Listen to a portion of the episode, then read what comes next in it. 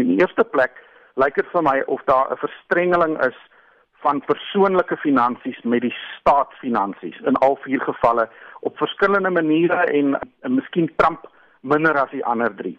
In die tweede plek sonder al vier van hulle sondebokke uit. As mense dan nou verwys na korrupsie of uh, hierdie probleem van persoonlike finansies en staatsfinansies word dan na sondebokke verwys. In die geval van Erdogan is daar die kwessie van die Koerde. Putin uh, stook gereeld vreemdelinge haat. Trump dieselfde in Zuma se geval is daar die kwessie van wit monopolie kapitaal ook natuurlik uh, vreemdelinge uit ander Afrika lande. In die derde plek het al vier van hulle maak die wetenskap verdag. En ek dink dit het baie te doen met aardverwarming en die feit dat baie van hulle se persoonlike belange lê by fossielbrandstof. Maar daar's ook nuwe maniere om mense dop te hou. Ons praat hier van kuberoorlogvoering. Maar jy sê jy sal darm nie so ver gaan om die vier oor dieselfde fasistiese kam te skeer as byvoorbeeld Hitler in Duitsland nie. Maar daar is tog 'n bietjie van 'n ooreenkoms tussen die tipe uh, populistiese politiek wat mense soos Hitler gevoer het en wat nou hier aan die gang is. Andries, wat is die teenpool? Wat is die beter sy van internasionale politieke leierskap? Kyk, in internasionale politiek is nasionale belang altyd belangrik. Dit gaan altyd daar wees. Maar wat hier gebeur is dat die persoonlike belang van die president staan in vir nasionale belang. So in die eerste plek dink ek is dit belangrik vir burgers van lande om te sê dat die president se persoonlike belang is nie gelykstaande aan die belang van die land of die nasiestaat nie. So met ander woorde in lande self kan mense sê jy moet volgens die reg optree en ek dink dit gebeur tog in Amerika.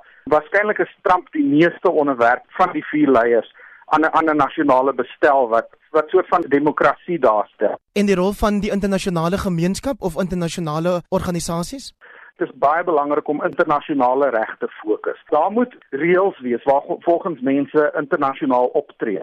En so internasionale organisasies soos die Verenigde Nasies, soos die Internasionale Arbeidsorganisasie, soos die Internasionale Monetaire Fonds moet sekere reëls ook daar stel en daar moet 'n openheid wees. Mense moet nie net sommer geld kan skuif enige plek in die wêreld sonder dat mense daarvan weet nie. Veral as jy 'n nasionale leier is, moet jou finansies oop wees sodat daai soort van die die varslug van demokrasie daaroor kan waai.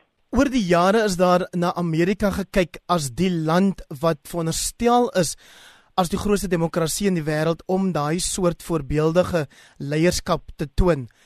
Wie reken jy is vandag die internasionale leier wat die naaste kom aan wat die gewenste situasie is?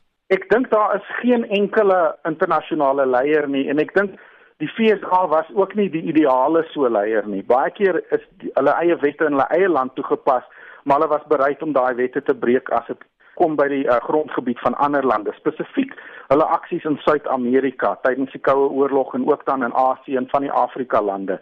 Maar ek dink wie die internasionale figuur wie op die oomblik vir my uitstaan ironies genoeg is Angela Merkel van Duitsland. Op 'n manier neem Duitsland vir my 'n redelike stem in in die internasionale politiek en is so half ironies want in die verlede was Duitsland die plek waar fasisme die hardste stem gehad het en nou lyk dit vir my is hulle tipe van amper die stem van rede.